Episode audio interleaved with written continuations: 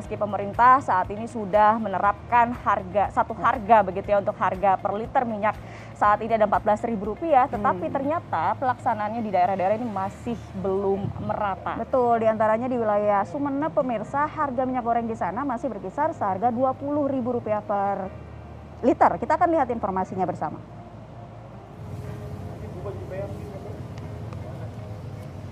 Di sejumlah pasar tradisional di Kabupaten Sumeneb, Jawa Timur, harga minyak goreng belum mengalami penurunan.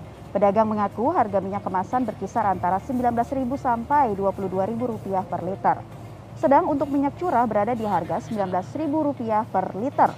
Dinas Perdagangan memperkirakan penurunan harga minyak goreng akan lambat mengingat stok lama yang masih banyak di, ada di pedagang. Dinas Perdagangan mengaku langkah yang dilakukan pihaknya selama ini hanya sebatas pengawasan saja dan belum mengadakan operasi pasar.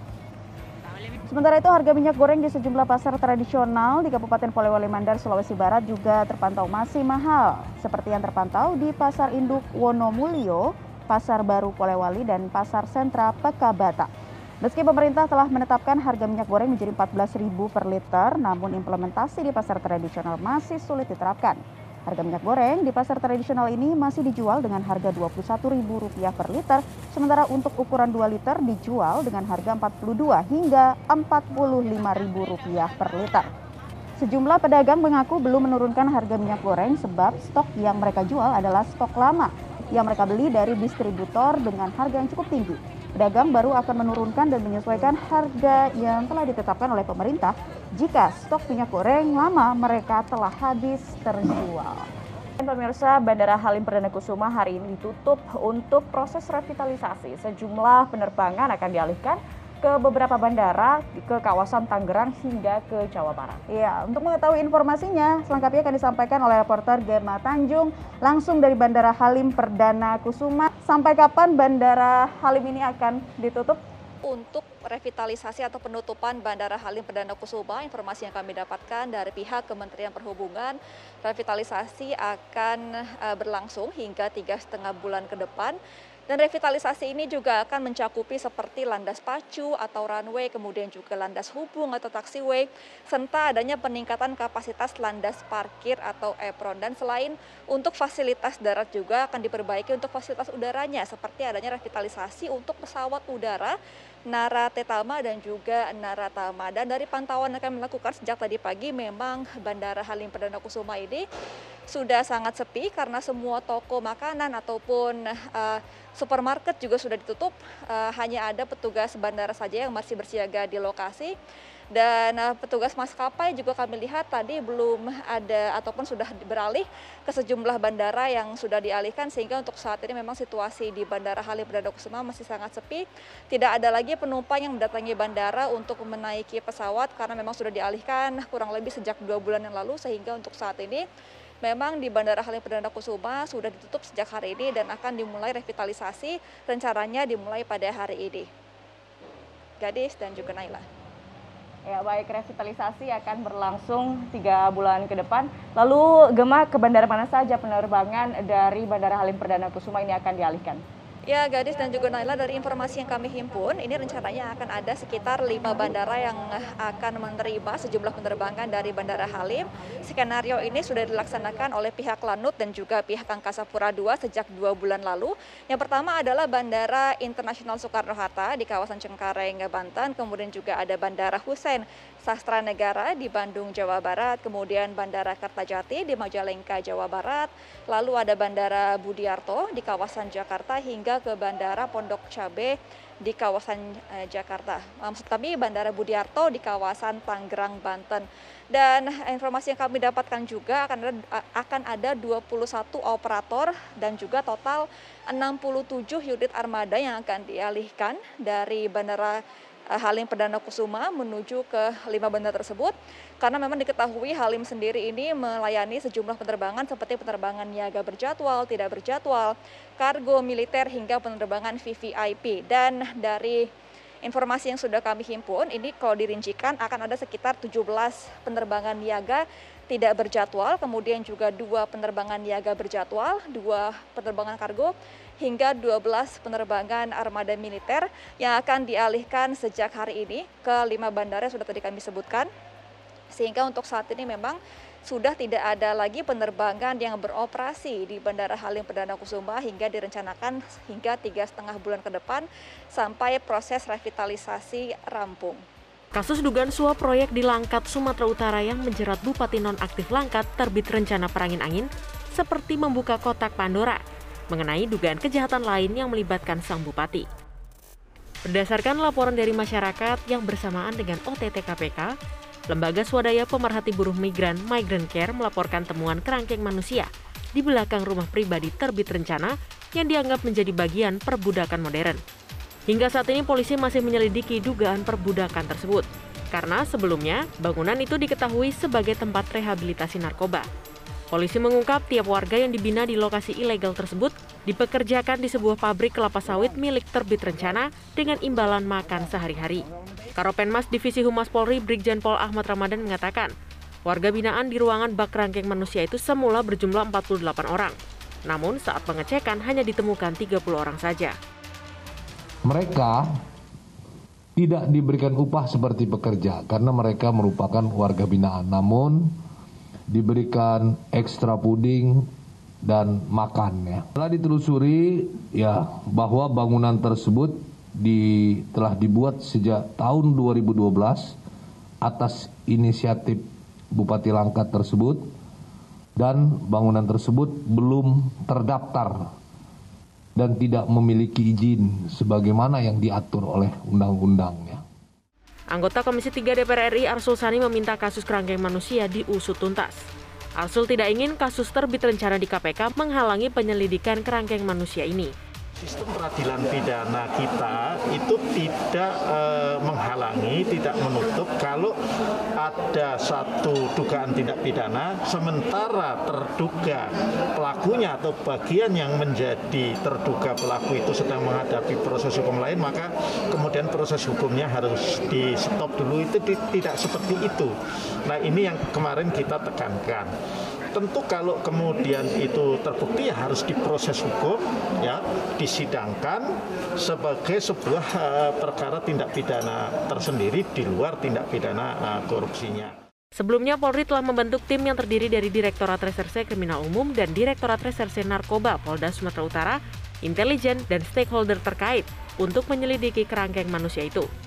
Dari hasil penelusuran sementara, bangunan memiliki luas 6 kali 6 meter yang terbagi menjadi dua kamar dengan kapasitas kurang lebih 30 orang. Setiap kamar dibatasi menggunakan jeruji besi layaknya bangunan sel. Tim Liputan, Metro TV. Ya pemirsa sementara itu sejak Senin malam 27 orang yang ditemukan di kerangkeng manusia di kediaman Bupati Nonaktif Langkat, Sumatera Utara ini sudah dijemput oleh pihak keluarganya masing-masing. Ya, 27 orang yang ada di kerangkeng tersebut pemirsa sebagian besar merupakan warga Langkat, sementara sebagian lain yang merupakan warga Medan. Terkait dugaan kerja paksa berkedok rehabilitasi narkoba sedang ditangani oleh Polda Sumatera Utara. Bahkan LPSK siap mendampingi para korban. Lembaga Perlindungan Saksi dan Korban LPSK siap memberikan bantuan kepada para korban kerangkeng manusia di rumah Bupati Nonaktif Langkat terbit rencana perangin angin. Korban yang ingin mendapatkan perlindungan dari LPSK diminta untuk segera melapor. LPSK juga meminta polisi untuk mengusut tuntas kasus ini dan jangan segan untuk memberikan tindakan jika memiliki bukti yang cukup.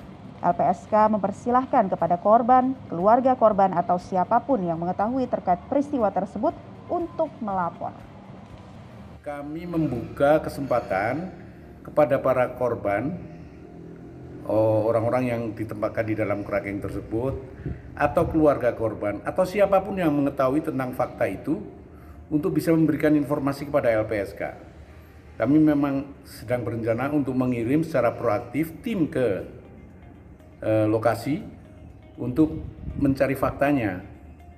Nah, kalau memang itu adalah korban, tentu saja LPSK wajib memberikan perlindungan juga bantuan kepada para korban ini.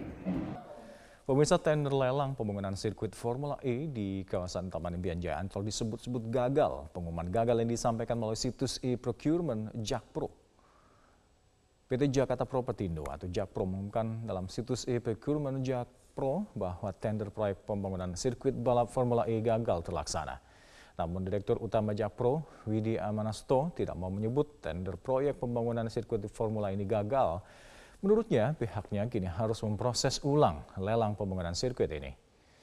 Sebelumnya tender kontraktor proyek sirkuit Formula ini dibuka sejak 4 Januari lalu. Pembangunan sirkuit ini ditargetkan tampung pada tiga bulan atau pada bulan April 2022 terhitung sejak penunjukan kontraktor dan Sumber Daya Mineral ESDM Arifin Tasrif mendorong pengembangan bahan bakar minyak BBM dari bahan baku minyak kelapa sawit agar Indonesia dapat mandiri dalam memenuhi kebutuhan energi di dalam negeri.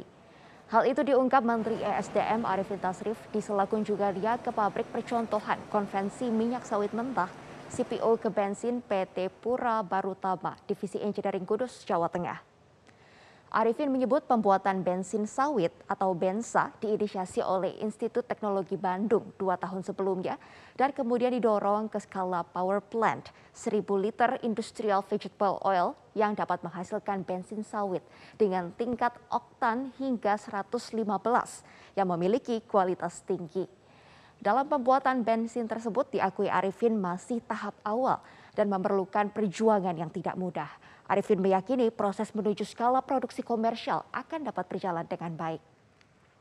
Ini kan tadi skalanya, skala kecil, kita akan lihat ditingkatkan sampai skala berapa. Dan nanti itu ya, bisa nggak ini dimanfaatkan di daerah-daerah penghasil sawit. Ya misalnya kampung atau kecamatan-kecamatan yang punya kebun sawit, ya, mereka bisa menjadi produsen, ya dan bisa mendukung kebutuhan BBM masyarakat. Ya, nah kalau skala besarnya nanti harus kita bikin kilang. Nanti nanti tentu saja butuh waktu. Menko Perekonomian Erlangga Hartarto menargetkan pertumbuhan ekonomi Indonesia tahun 2022 sebesar 5,2 persen. Namun pencapaian target ini sangat bergantung pada kesuksesan penanganan COVID-19 dan pemulihan ekonomi. Dampak gejolak ekonomi global juga dapat mempengaruhi pertumbuhan ekonomi Indonesia sehingga perlu direspon secara fleksibel dan adaptif. Menurut Erlangga, pemerintah akan terus melakukan upaya perbaikan dan peningkatan efektivitas dalam penanganan COVID-19 melalui strategi di hulu dan hilir. Hal ini dilakukan melalui penanganan di sisi kesehatan, perlindungan sosial dan pemulihan ekonomi, di mana pemerintah telah mengalokasikan anggaran sebesar 451,64 triliun rupiah. Tidak hanya itu, pemerintah juga akan melanjutkan sejumlah program subsidi dan bantuan di tahun 2022 bagi sektor usaha dan masyarakat. Di antaranya adalah subsidi bunga kur, bantuan tunai bagi pengusaha kecil menengah, insentif sektor perumahan dan otomotif, serta perbaikan iklim investasi melalui regulasi. Dari sisi lain, pemerintah perlu mengantisipasi dampak ekonomi global yang masih bergejolak menghadapi berbagai tantangan, seperti varian COVID-19 Omicron, distribusi vaksin global yang belum merata, serta krisis energi. Ekonomi di tahun 2022 ditargetkan dapat tumbuh hingga 5,2 persen dan penanganan COVID dan pemulihan ekonomi akan menentukan pencapaian target tersebut. Untuk pemanfaatan program pemulihan ekonomi, beberapa kegiatan akan didorong agar dilaksanakan di depan atau front loading di awal tahun. Antara lain program subsidi bunga Januari-Juni sebesar 3 persen, perluasan program bantuan tunai untuk pekerja untuk warung, pedagang kaki lima, dan nelayan, insentif fiskal berupa PPN ditanggung pemerintah untuk sektor perumahan yang ditanggung 50 persen untuk di bawah 2 miliar.